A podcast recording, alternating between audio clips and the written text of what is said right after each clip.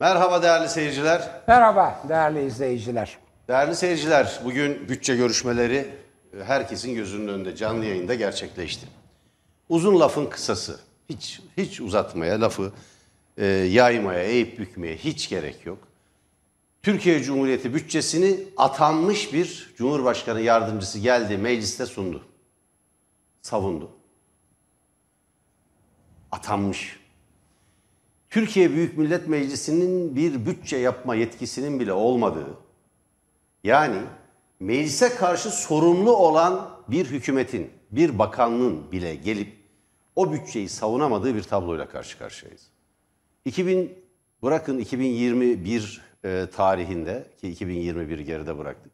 21. yüzyıl ilk çeyreği dolarken bakın 1215 Magna Carta'dan beri meclislerin kuruluş amacı, meclislerin gerekçesi kralın, sultanın, imparatorun, şahın, şıhın şeyhin her neyse, Hakan'ın, Kaan'ın yetkisini sınırlamak ve yetkinin yani iktidar yetkisinin, temsil yetkisinin, yönetim yetkisinin, iradesinin bir bölümünü veya tamamını millete, topluma, halka aktarmak için verilen mücadelelerin sonucu olarak meclisler doğmuştur.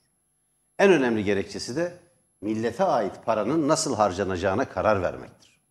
Türkiye Cumhuriyeti'nde bir tek adam ve onun atadığı bir yardımcı geliyor bu e, bütçeyi sunuyor. Ve bunun nasıl harcanacağına dair kararın verilmesi, bunun hazırlanması yetkisini bırakın, sadece onaylatmak amacıyla sunulan bir bütçe olmaktan ibaret.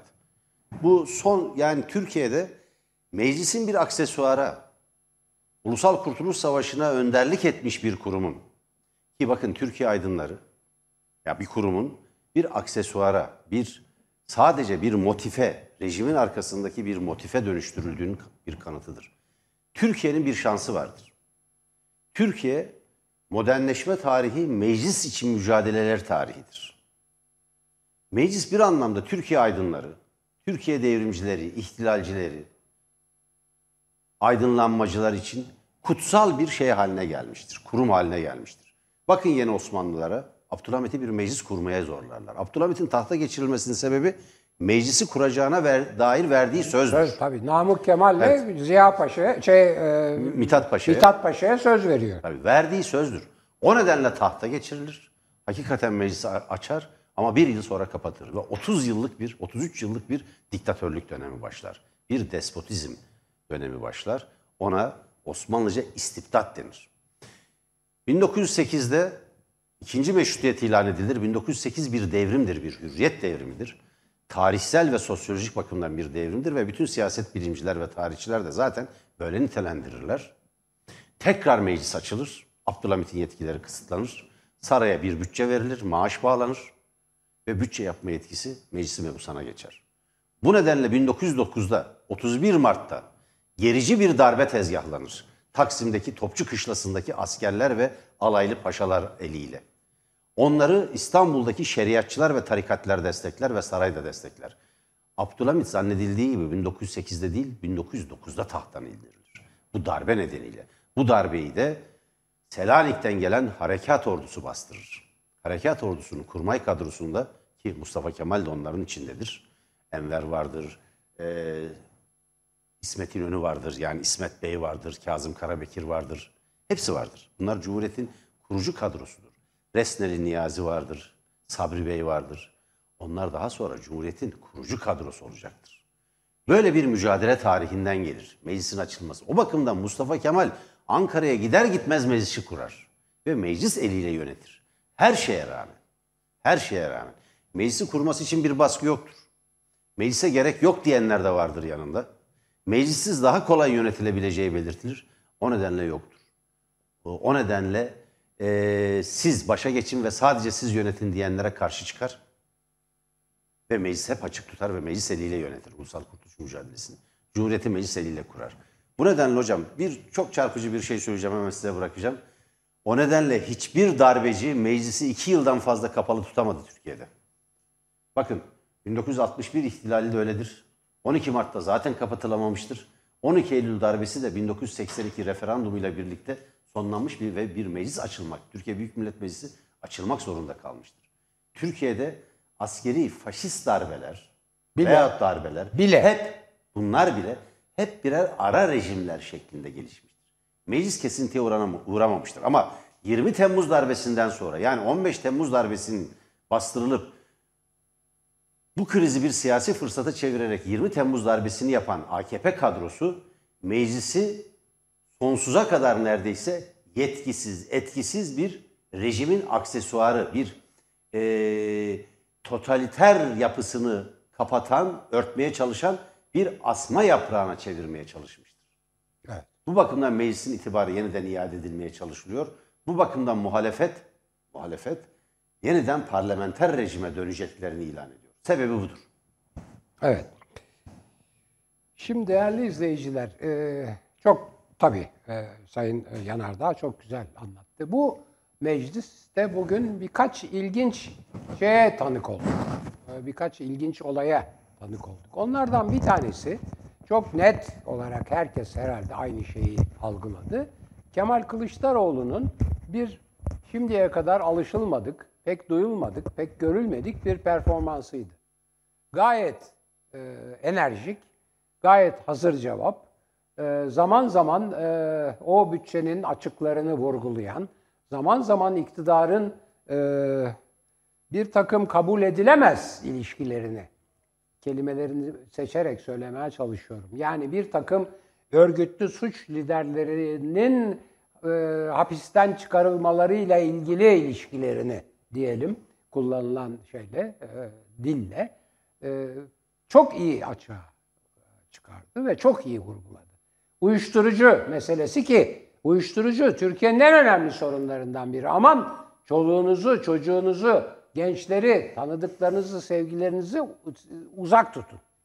Çok önemli bir sorun Türkiye'de. Bence Türkiye'nin İnsan sağlığına hem toplum sağlığına Evet. aykırı ve ağır bir suçtur uyuşturucu maalesef ticareti. çağdaş dünyayla bütünleşirken bütünleşmiş olan Türkiye'nin en önemli sorunu. Üstelik şimdiye kadar Avrupa'ya ve Amerika'ya giden uyuşturucunun bir anlamda yani el değiştirme operasyonunun bir e, iskelesi, bir istasyonu iken şimdi hedef istasyonlarından, hedef iskelelerinden biri oldu.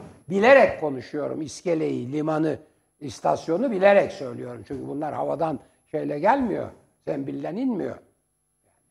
Ya de- büyüklüğüne göre yollamanın genellikle gemiyle geliyor. Zaten işte duydunuz Kolombiya'da şurada burada yani Milli Savunma Bakanı Türkiye'ye gideni yakaladık diyor 5 5 ton. 5000 kilo filan. Şimdi bunları açıkladı. Başka neler açıkladı? Ee, bir kara para aklayıcısının ve işte hem de uluslararası bir suçlunun Türkiye'de nasıl yurt dışına çıkarıldığını, kimin yardımıyla çıkarıldığını, o ilişkileri açıkladı. Müthiş bir şeydi. Yani bence Kemal Kılıçdaroğlu'nun bugünkü konuşması bizim burada e, efendim e, 18 dakikada günlerdir, aylardır, işte yıllardır konuştuğumuz konuları efendim yazılan Sayın Yanardağ'ın benim yazdığım yazılarda vurguladığımız pek çok e, yasa dışı yasa dışı ilişkiyi açığa vurdu. Bir de fevkalade espriliydi. ben en son çok ilginç bir şey oldu. Bir, bir, bir Yeliz olayı var. Şimdi şöyle bir şey oldu. Bunu muhakkak söylemek zorundayım. Kimse kusura Buyurun hocam. bakmasın. Ben şahsiyattan hiç hoşlanmam. Onun için o milletvekilinin adını söylemeyeceğim. Ama bir AKP'li bir erkek milletvekili var. Bu AKP'li milletvekili bir, e, Twitter'da Yeliz takma adıyla bir hesap açmış. Troll hesap. Efendim? Troll hesap. Evet bir troll hesap. Yani sahte hesap Yeliz diye. Hem de güzel böyle bir çağdaş kız ismi falan. Oradan bir şeyler, bir, bir tweetler atıyor. Kendisine destek veriyor. AKP'ye destek veriyor filan. Fakat herhalde çok ya çok becerikli değil ya bu işleri çok iyi bilmiyor ya işte bilmiyorum nesi müsait değil, vakti mi müsait. Belki telaşlandı filan. Kendi kimliğini açığa çıkaran da bir tweet attı bir ara. Oradan Yeliz'in o zat olduğu anlaşıldı.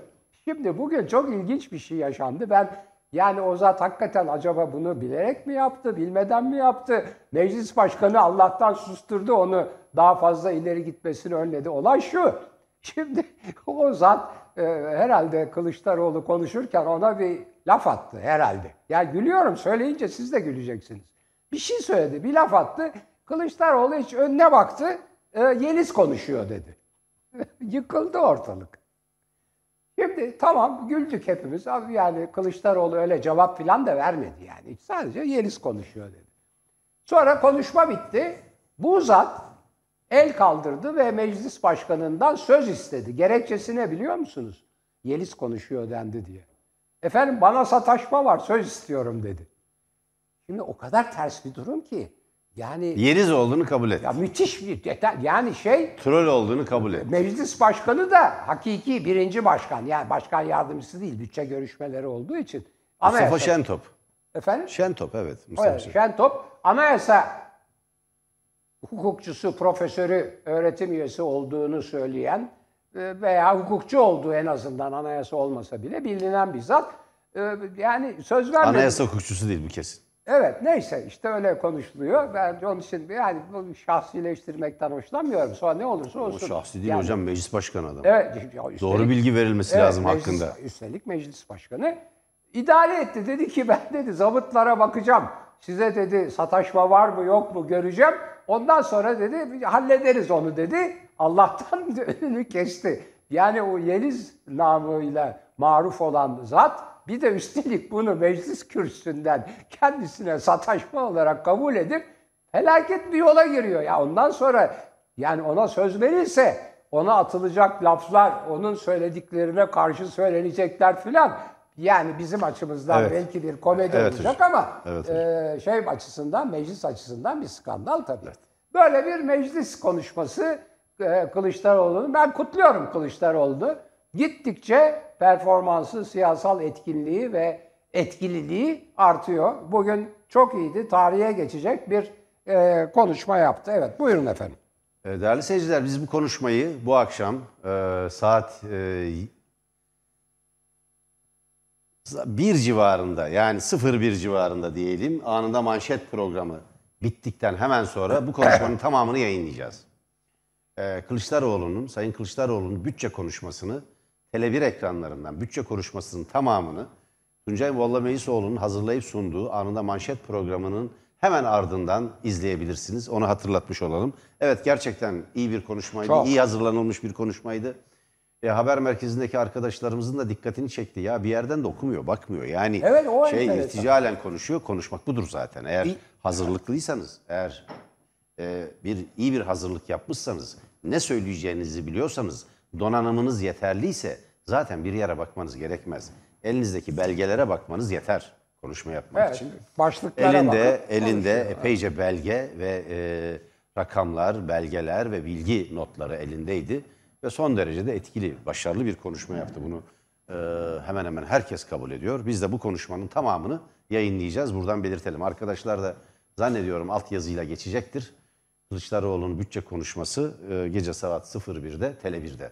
Tam konuşmasının tam metni, tam e, bütünü diyelim e, tam olarak e, Tele1'de yayınlanacak. Şimdi bunu belirttikten sonra hocam günün e, diğer bir e, konusu da yani bütçe tartışmasının yanı sıra şimdi e, Nurettin Nebati çok tartışılacak gibi görünüyor. E, şimdi durmadan fotoğrafı çıkıyor bu arkadaşın, yeni bakan arkadaşımızın. Ee, şimdi bir tezi epeyce bir tartışmalıydı. Mesela burada kendinden menkul bir şekilde Cumhuriyete karşı, Cumhuriyetle hesaplaşmayı amaçlayan bir tez yazdı ortaya çıktı. Doktora tezi. Doktora tezi de AKP örgütlerinin demokrasiye bakışı. Şimdi bu iki satırlık bir şeydir. AKP örgütleri demokrasiye iyi bakmıyorlar. İyi gözle bakmıyorlar, iyi niyetle bakmıyorlar. Bunu nereden anlıyoruz? Sayın Nebati'nin doktorasından anlıyoruz. Doktorasında bütün siyasal kavramları e, birbirine karıştırmış ve siyasal İslamcı tezleri de sürekli tekrarlanarak bir genel kabulle dönüştürülmeye çalışılan altı boş ve yanlış tezlerini de sürekli tekrarlamış. Bunlardan bir tanesi şu. Siyasal İslamcılar hiçbir biçimde ulus devletlerin doğuşunu ve burjuva demokratik devrimlerinin tarihsel anlamını kavramamış durumdalar. Yani tarihin işleyiş yasalarından habersizler. Kabul de etmezler. Evet. Kabul, de et- etmezler. kabul etmiyorlar, kavramamışlar. Yani kabul etmenin ötesinde kavrayamamışlar. Çünkü bin yıllık inanç merkezli bir bilgi anlayışına sahipler. Bin yıllık. Onlar sadece teknolojinin geliştiğini, toplumsal ilişkilerin, kültürlerin değiştiğini, toplumsal düzenlerin ve sistemlerin değiştiğini göremezler. Göremiyorlar tarihin işleyiş yasalarından. Dolayısıyla iktisatın da yani ekonominin de işleyiş yasalarından habersizler.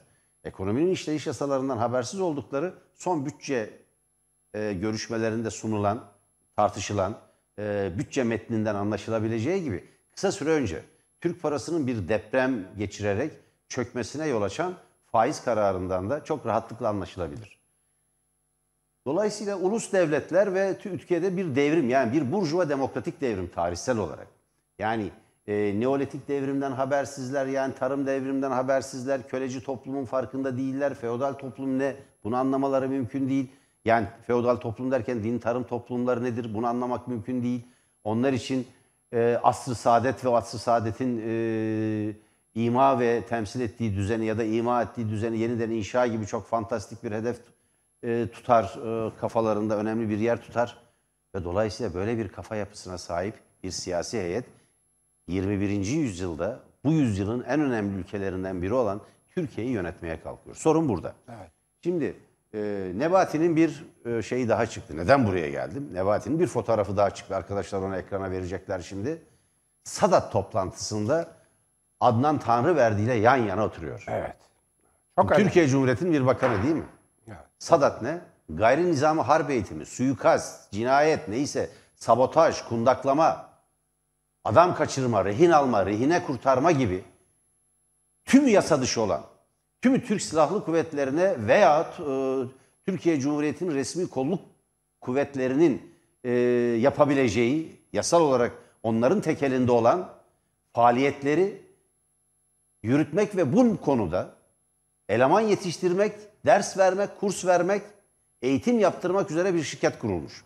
Bu şirketin başkanı da biliyorsunuz e, şirketin başkanı bence örgüt başkanı gibi. Tabii. E, Sayın Erdoğan'ın askeri başdanışmanıydı. Ordudan irticai nedenlerle ihraç edilen bir subay.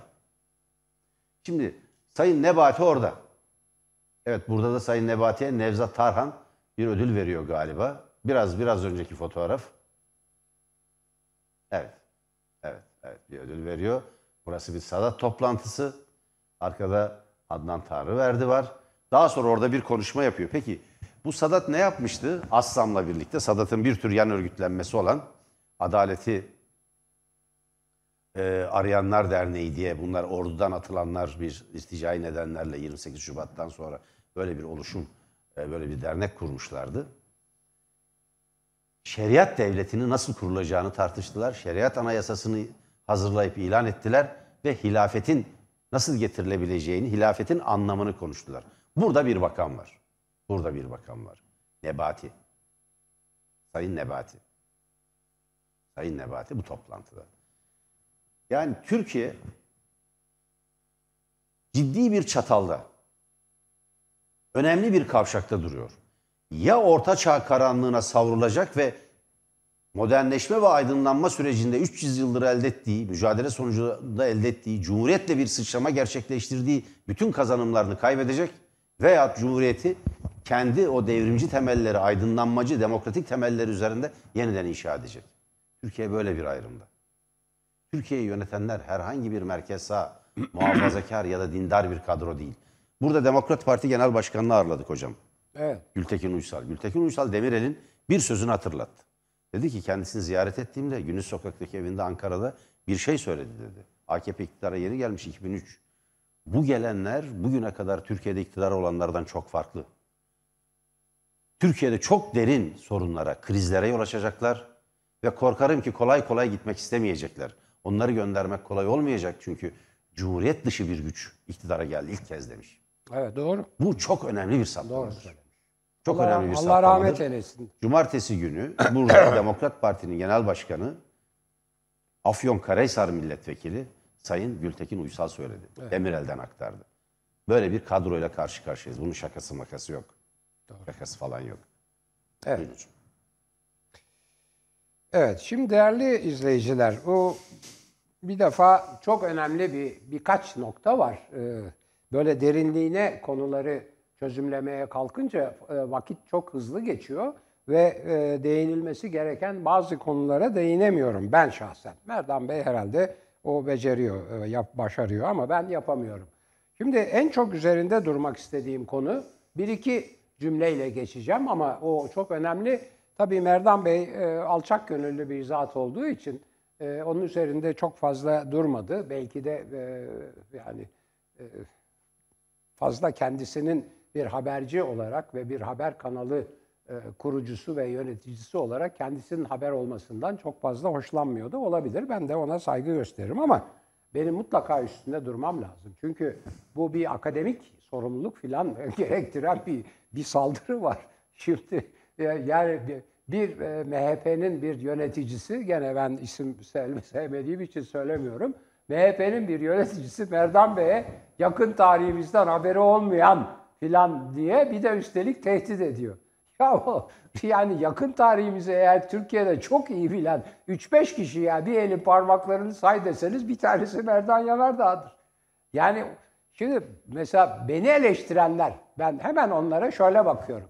Beni eleştiren eğer şişe şişe dipli gözlüklü diyorsa, efendim fularıyla caka satan diyorsa, efendim keçi sakallı filan diyorsa ben onları bırakın adam yerine, insan yerine koymam. Hiç. Yok sayarım. Ne olursa olsun. Yok sayarım. Şimdi aynı şey. Ya adamın kitapları yani e, inanılmaz bir şey. Ta, yakın tarihimizde haber. Şimdi onu söyleyene ben hatırlatıvereyim. Ben Bedrettin Cömert'i kimin öldürdüğünün mahkeme kararlarını burada açıklayıveririm. Hangi örgüttür, hangi partinin uzantısıdır. Mahkeme kararı. Şimdi yapmasınlar bunu. Ayrıca da ben e, yani çok yakın bir ilişkimiz yoktu. Hala da e, böyle yakın bu şeyin programın dışında bir ilişki kuramadık. Onun için bir dostluğu e, derinleştirmiş filan da değiliz ama gördüğüm kadar Merdan Bey öyle pek kuru gürültüye pabuç bırakacak bir adam değil. 15 yaşından itibaren bunların içinden geçmiş, büyümüş, yetişmiş. Üç defa mı hapse girmiş üstelik? Evet bunların içinden derken hocam ama yanlış anlaşılmasın. Bir siyasal mücadelenin evet, içinden evet. geçmiş. Ya bu tehditlerin Evet. Bu tehditlerin içinden geçmiş, bu tehditlere göğüs gererek geçmiş, üç defa da hapse girmiş filan. Şimdi değerli izleyiciler, ha bir de bana şeyden saldırıyorlar. Ya 80 yaşında dinozor filan. Yani, işte yaş, gözlük, bilmem sakal, şey filan dedin mi, fular dedin mi insan değilsin. Onu diyen insan değil. Şimdi o, o yaş var ya, Merdan'ın geçtiği yaş. Onu nasıl yaşadığına bağlı.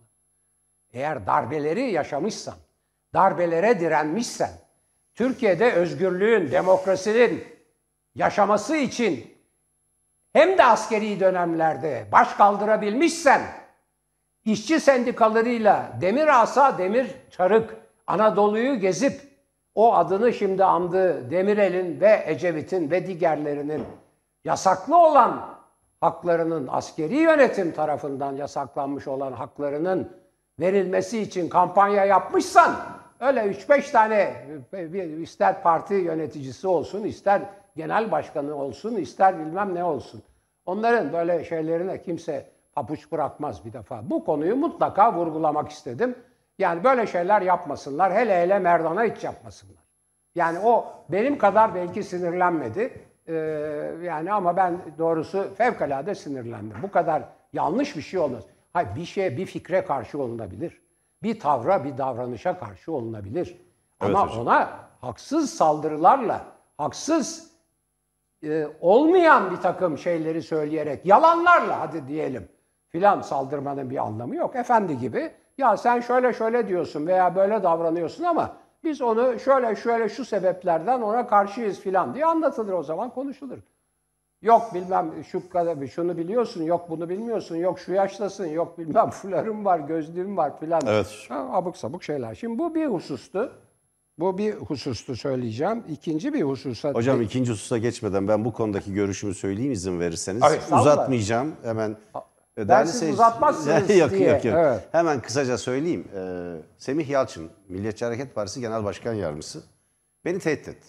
Ben gerekli cevabı verdim, cevabı da okuyacağım. Şeyde e, Sayın Semih Yalçın buradaki e, tweetini de okuyacağım. Twitter'dan arka arkaya 8 e, mesaj paylaşarak 8. ve son mesajında şunu söyledi.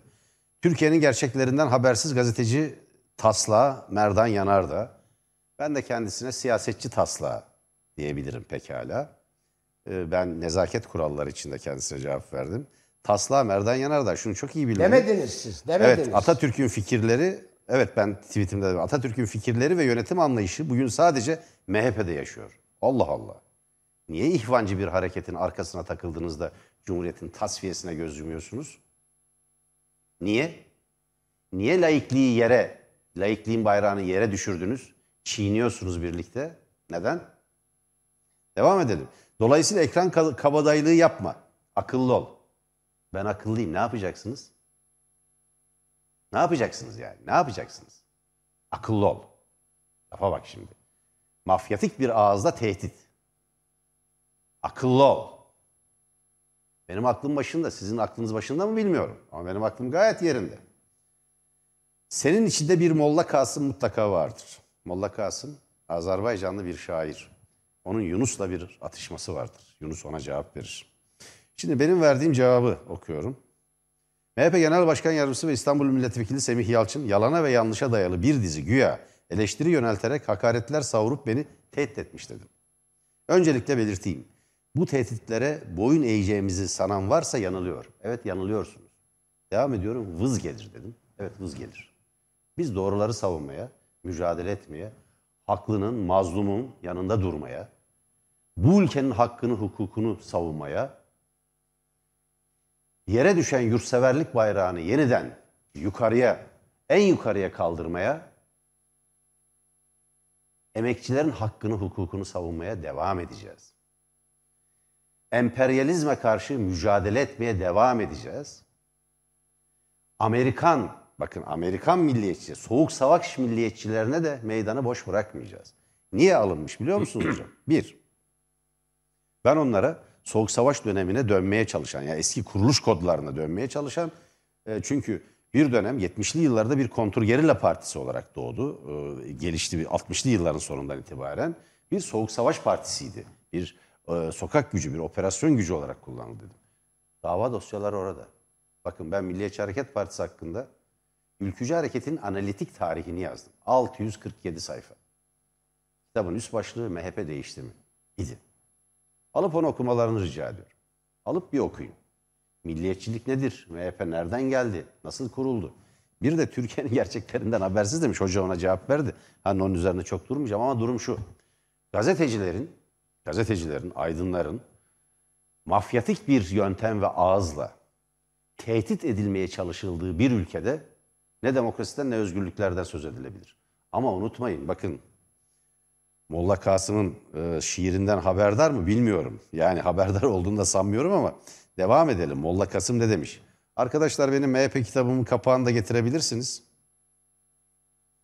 Diyor ki Yunus, diyor ki Yunus, Derviş Yunus, dev- Derviş Yunus bu sözü eğri büğrü söyleme. Seni sigaya çeken bir Molla Kasım gelir. Gelir, emin olun. Bu kadar hocam. Çok da büyük, çok da büyük önemi yok. Biz doğru bildiğimiz yolda boyun eğmeden mücadele etmeye, gazetecilik yapmaya, gerçekleri açıklamaya devam edeceğiz. Evet. Ee, değerli izleyiciler, benim e, Merdan'ı korumak falan gibi bir şeyim yok. Bir tavrım yok. Onun korunmaya ihtiyacı da yok. Evet, bu Yani- benim 647 sayfalık e, tam ekranda verebilirsiniz arkadaşlar. Evet. Kitabımın kapağı. Buyurun. Evet yani 2002'de, 2003'te yayınlandı. Evet, Tam ekran verebilirsiniz arkadaşlar. evet. Yani demin demin söylediklerim Aşağı doğru inin. Yukarıda Gendaş yayınlarında çıktı. Evet. Şimdi bunu biz Kırmızı Kedi yayınlarından yenileyerek çıkaracağız. Yani rastgele konuşmuyoruz. Burada ben MHP'lileri ağırladım hocam. Atilla Kaya gibi MHP Genel Tabii, Başkan tabii. Yardımcılığı yapmış. MHP Ülke MHP Ocakları Başkanlığı yapmış kişileri Gayet burada ciddi. hayır hayır konuk yaptık. Bu kitapla ilgili de konuştuk. Onu diyeceğim. Tabii.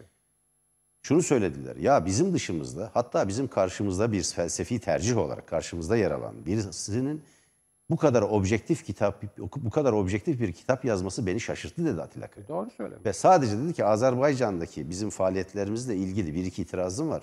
Onun ötesinde çok temel bir itirazım yok dedi. Evet, ben okudum kitabı Ülke gayet. Ocakları Genel Başkanlığı yapmış Şimdi birisi. değerli, Evet. değerli izleyici ben buna da ekleme yapayım. 2015 seçimlerinin galibi diye ben yazı yazdım MHP hakkında. MHP çok ciddi bir, de, bir şeydir, e, partidir. Şu andaki rolünü ve bu iktidara destek vermesini ben de yadırgıyorum. Yadır, yani tasvip etmiyorum o ayrı da ayrıca yadırgıyorum. Yani çünkü mesela 2015 seçimlerinde bakınız benim yazım var. Girin bakın şeye e, Google'a e, seçimlerin galibi e, MHP'dir diye yazım var. Müthiş bir şey performans gösterdi. Sonra ne olduysa o arada 1 Kasım'a giderken birdenbire işte o koltuk değneği şeyine dönüştü filan. Ne siyaset o ayrı bir şey. Yani böyle bir partinin e, şimdi demin söylediğim lafı tamamlayayım. Böyle bir partinin önemli bir yöneticisinin e, Merdan'a bu şekilde saldırması benim e, akademik ve e, insani ahlak e, duygularımı, ilkelerimi zedelediği için bu kadar üstünde durdum. Yoksa ne onun benim savunmama ihtiyacı var ne de ben öyle hocam, şey hiç yani onun için Böyle zamanlarda dostların dayanışmasını Tabii tabii ama yani bir yanlış anlaşma vardır. olmasın. Ayrıca yani biz burada e, hani bu programı yapmanın ötesinde dedikodusal bir dostluğumuz, elimizden telefonlar düşmeyen, o onu ne demiş, bu bunu ne yapmış ve hiç öyle bir ilişkimiz yok. Hiç. Biz bütün bu program yıllar belki beş defa telefonla filan konuşuyoruzdur. Yani bir yanlış anlaşma olmasın aman. Yani mesele buydu. Şimdi çok üzerinde durmak istediğim çok önemli bir bir başka daha doğrusu üç tane husus var. Hepsini söyleyeyim de bir tanesi üzerinde duracağım. Birisi Fevzioğlu'nun yani Metin Fevzioğlu denen zatın Barolar Birliği Başkanı olan zatın Turan Fevzioğlu'nun Bir Semih Yalçın kim onu da arkadaşlar gösterir belki hocam. Görüntüsünü de gösterirlerse çünkü çok adından söz ettik. Evet, evet. buyurun. Ve onun söz hakkı da var onun da herhalde konuşmak isterse davet edersiniz. Sözünü söylemiş hocam yani akıllı ol, kavalarlık yapma ondan şey diyen yani eee, kalkıp hakaret eden, hakaret ve küfürden ibaret birini söyleyecek sözünün olduğunu zannetmiyorum. Şimdi e, Fevzioğlu Sözünü söylemiş. Evet, Fevzioğlu olayı son derece ilginç. E, çünkü e, Metin Fevzioğlu'nun e, Barolar Birliği Başkanlığını devam ettirebilmesi için iktidar akla hayale gelmedik tedbirler aldı. Bunlardan bir tanesi büyük illerde sayıya dayalı olarak, avukatların sayısına dayalı olarak İstanbul, Ankara ve Evet, Semih Yalçın bu arkadaş. evet. Bize gazeteci taslağı diyen arkadaşımız bu. Yani biz gazeteci taslağıysak eğer kendisi de o zaman siyasetçi taslağı mı oluyor? Bunu, yapmayın, yapmayın. Bunu bunu anlamak hayır hocam. Yani birine gazetecilik taslağı diyene şunu Ya- sormak ya- hakkımız. evet. Siz de siyasetçi taslağı mısınız? Soru soruyorum. Bu kadar. Ben ona yakıştırmadım o soruyu asla. Yani siz O doğrudan bir yargıda bulunmuş. Ben de ona soruyorum. Doğru.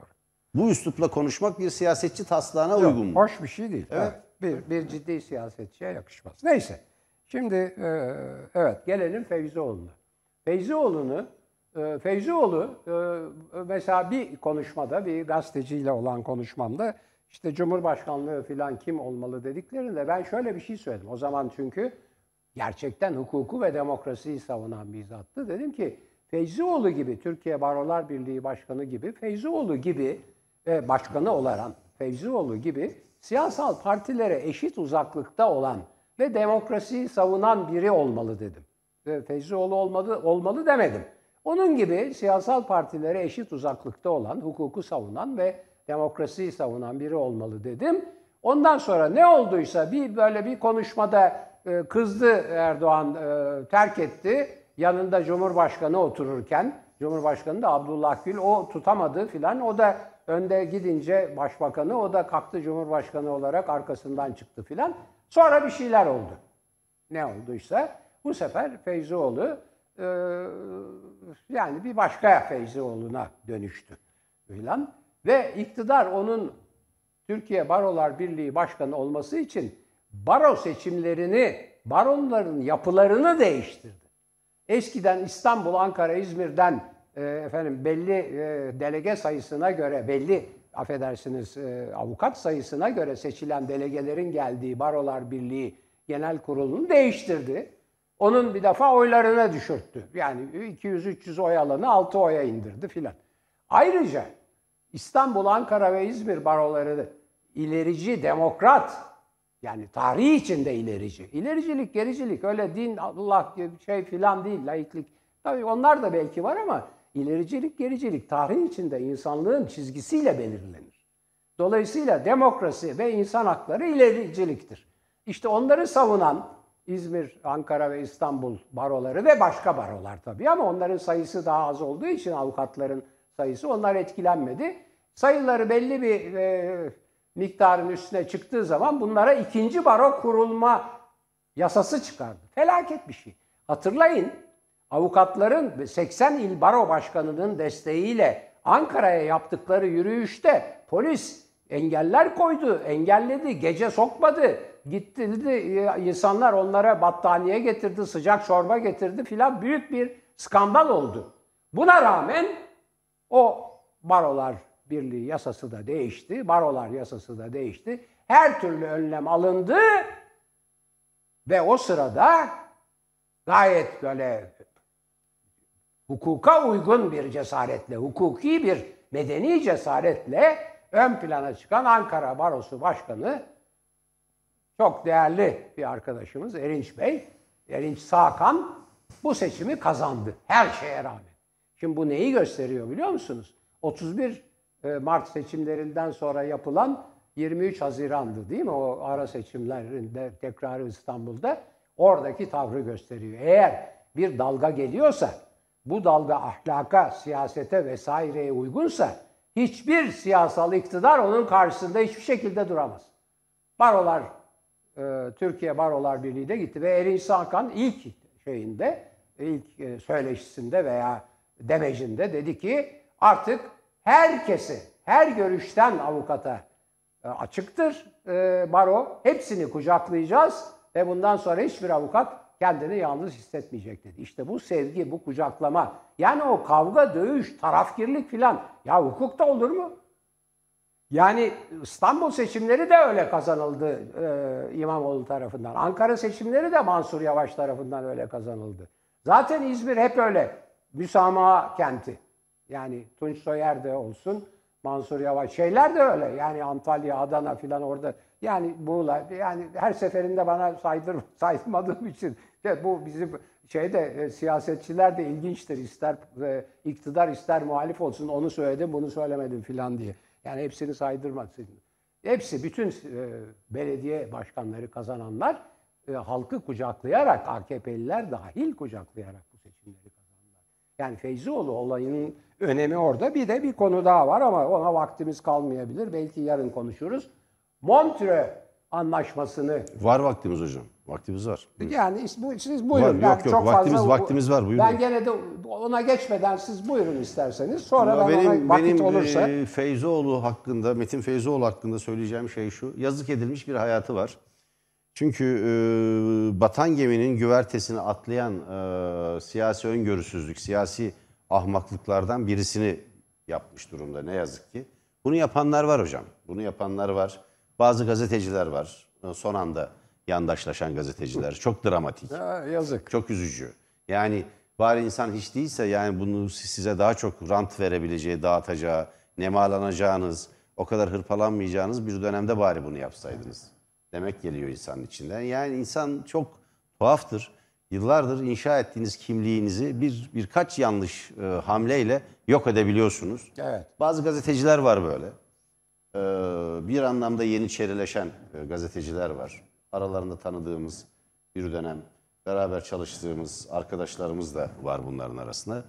Metin Feyzoğlu gibi hukukçular da var. Bakın e, 2007, 2008, 2010'a kadar hatta 2015'e kadar Metin Feyzoğlu Türkiye'de bazı çevreler tarafından muhalefetin, cumhuriyetçilerin, e, Cumhurbaşkanı adayı bile olabilecek kişi olarak e, düşünülürken geldiği yer o kadar dramatik ki, o kadar dramatik ki baronun başkanlığını yaptığı baronun bölünmesine yol açtığı gibi ya açıkça sizin biraz önce hatırlattığınız e, toplantıda Cumhurbaşkanı o ki o zaman AKP Genel Başkanıydı. Cumhurbaşkanı Abdullah Gül de onun tarafından açıkça azarlandı. Yani karşısında bir baro başkanının adli yıl açılış töreninde yaptığı bir konuşmada Türkiye'de hukukun üstünlüğü ilkesinin çiğnendiğine ilişkin yaptığı konuşmayı bile hazmedemeyen, bunu kabullenemeyen bir başbakan kalktı, bağırdı, çağırdı, eleştirdi ve terk ediyoruz dedi ve Cumhurbaşkanı'na da bir el işareti yaptı. Hani şimdi bazıları adını ısıtmaya çalışıyor ya hatta bazı muhalif televizyonlarda. Abdullah Gül de arkasından tıpış tıpış gitti. Şimdi öyle azarlanmış bir kişi. Fakat o günden sonra yavaş yavaş geri adım atmaya başladı ve yandaş bir hukukçu haline geldi. Baroların bölünmesine, birden çok kur- kurulmasına evet dedi. Ve ne yazık ki o baroların hepsi de ölü doğdu. İstanbul'da 46 bin üyesi olan İstanbul Barosu varken bir de 2 numaralı İstanbul Barosu kuruldu. Ama Şimdi kimse bir şey yapamadılar. Hiçbir şey yapamadılar. 2500 üyesi varmış toplam. Yani barodan ayrılanların Türkiye çapında. Çünkü insanlar şunu gördü. Siz iki numaralı baroya gider üye olursanız kafadan o baronun mensuplarının İslamcı, siyasal İslamcı veya AKP'li olduğunu biliyorsunuz demektir. Çünkü mahkemeye iki numaralı baro üyesi bilmem kim avukat diye giriyor. Meslek örgütlerini bölerseniz buna yol açarsınız. Yani demek ki milli iradenin sadece kendilerine oy verildiği zaman geçerli sayıldığı, onun dışında halkın oyunun çöpe atıldığı bir anlayış, bir zihniyet mensupları bugün iktidarda. Metin e, Feyzoğlu da maalesef buna alet, buna ne diyelim, bu çarkın içinde harcandı ve gitti. Yazık etti. Bu barodaki yenilgisi önemlidir. Bu yenilgi AKP'nin yenilgisidir. İktidarın gidişinin işaretidir. Evet. Evet. Şimdi e, çok teşekkür ederim. Bana böyle bir şey yaptınız. E, birkaç dakika lütfettiniz. Bu Montre hocam. olayın Yok, yok. Montre olayında e, muhakkak durmak Daha süre var. istiyorum. Evet evet daha var. Kullanabilirsiniz. Ya Bana lütfettiniz. E, şimdi değerli izleyiciler, bu vatan, millet, Sakarya falan hani e, gibi şeyler böyle milliyetçilik falan konuşuldu. O zaman söyleyecektim ama o sona sakladım. Çünkü bu çok önemli bir şey. Şimdi bu e, kanal e, İstanbul denen e, tü- kötü bir Türkçeyle falan o bir- Montreux tartışması e, gündeme getirdi. Şu oldu, bu oldu. Şimdi Montreux'u en iyi Türkiye'de bilen iki meslek grubu var. Birinci meslek grubu büyükelçiler veya yani dışişleri mensupları, or, konsolos olabilir, başka şey olabilir, daha büyükelçi olamamış arkadaşlar olabilir, gençler filan. Bir e, dışişleri mensupları, iki deniz kuvvetleri mensupları. Onların da tabii en kıdemlileri dışişlerinde büyükelçiler, e, deniz kuvvetlerinde de amiraller. Şimdi e, herkes unuttu bunu. Ben hatırlatayım bir büyükelçi e, arkadaşım var. Habire beni arayıp uyarıyor. İlk Montreux konusunda bu Boğaz İstanbul falan tartışılırken Montreux'e uygundur değildir İstanbul Boğazı'ndan geçemeyen oradan geçecek mi filan. İlk e, bildiriyi büyükelçiler yayınlıyor. İlk bildiriyi.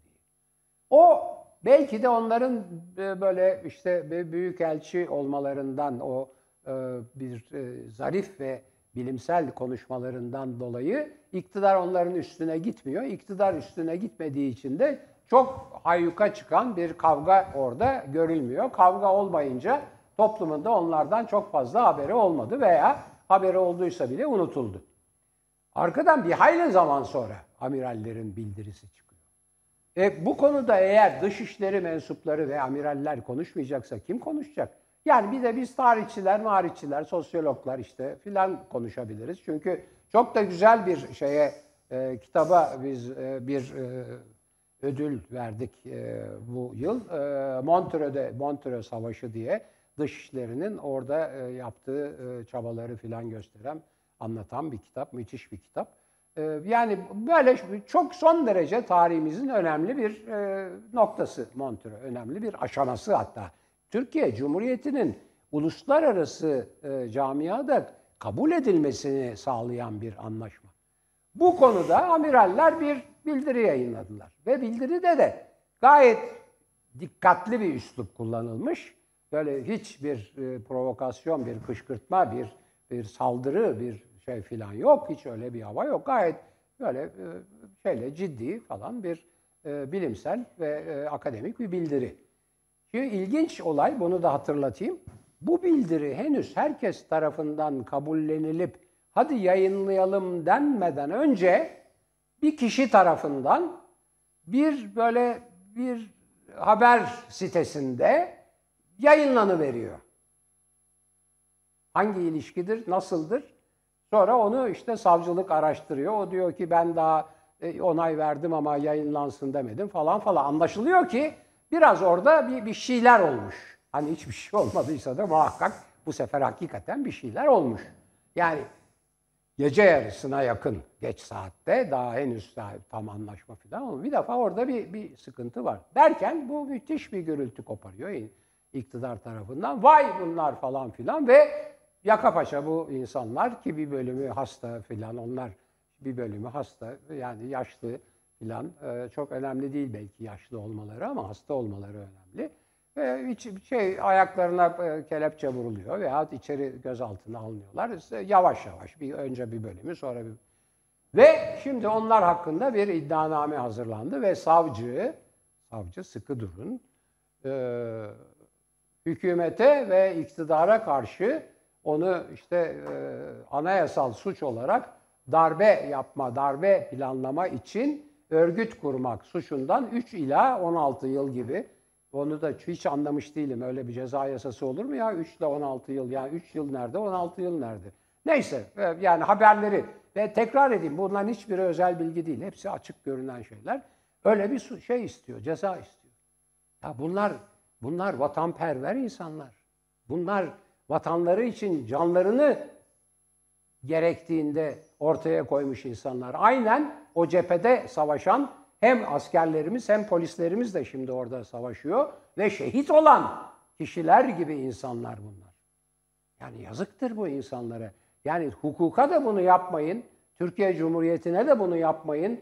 Türkiye'nin ordusuna da bunu yapmayın. Deniz kuvvetlerine de bunu yapmayın. Tarihine filan da bunu yapmayın. Yani bu çok çok rahatsız edici bir şey. Son derece rahatsız oldum. Eğer buna değinme şansım olmasaydı doğrusu hakikaten rahatsız olacaktım. Çok teşekkür ederim. Rica ederim hocam. Değerli seyirciler programımızın sonuna geldik. Anında manşet var bizden hemen sonra. Tam saat 21'de Tuncay Molla Veysoğlu'nun hazırlayıp sunduğu programın konukları da önemli. Eski ekonomi bakanı, bakanlarından Sayın Ufuk Söylemez katılıyor. Hukukçu e, Sayın Haluk Pekşen, bir önceki dönem Cumhuriyet Halk Partisi milletvekillerinden etkili bir hukukçu. Türkiye Barolar Birliği'nin önceki dönem Genel Başkan Yardımcısı Hüseyin Özbek. Bakın Metin Feyzoğlu'na muhalefet eden ve baronun bayrağını ve onurunu ayakta tutan kişilerden biridir Hüseyin Özbek.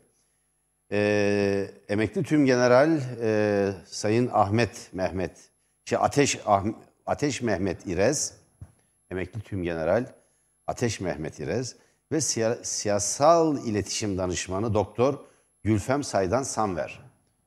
Anda manşetin konukları olacak. Tele birden ayrılmayın. Saat e, 12'den sonra yani anında manşet programının bitiminin hemen ardından da Sayın Kemal Kılıçdaroğlu'nun bütçe konuşmasının tamamını yayınlayacağız. Tele birden ayrılmayın. Hoşçakalın. Yarın görüşmek üzere değerli.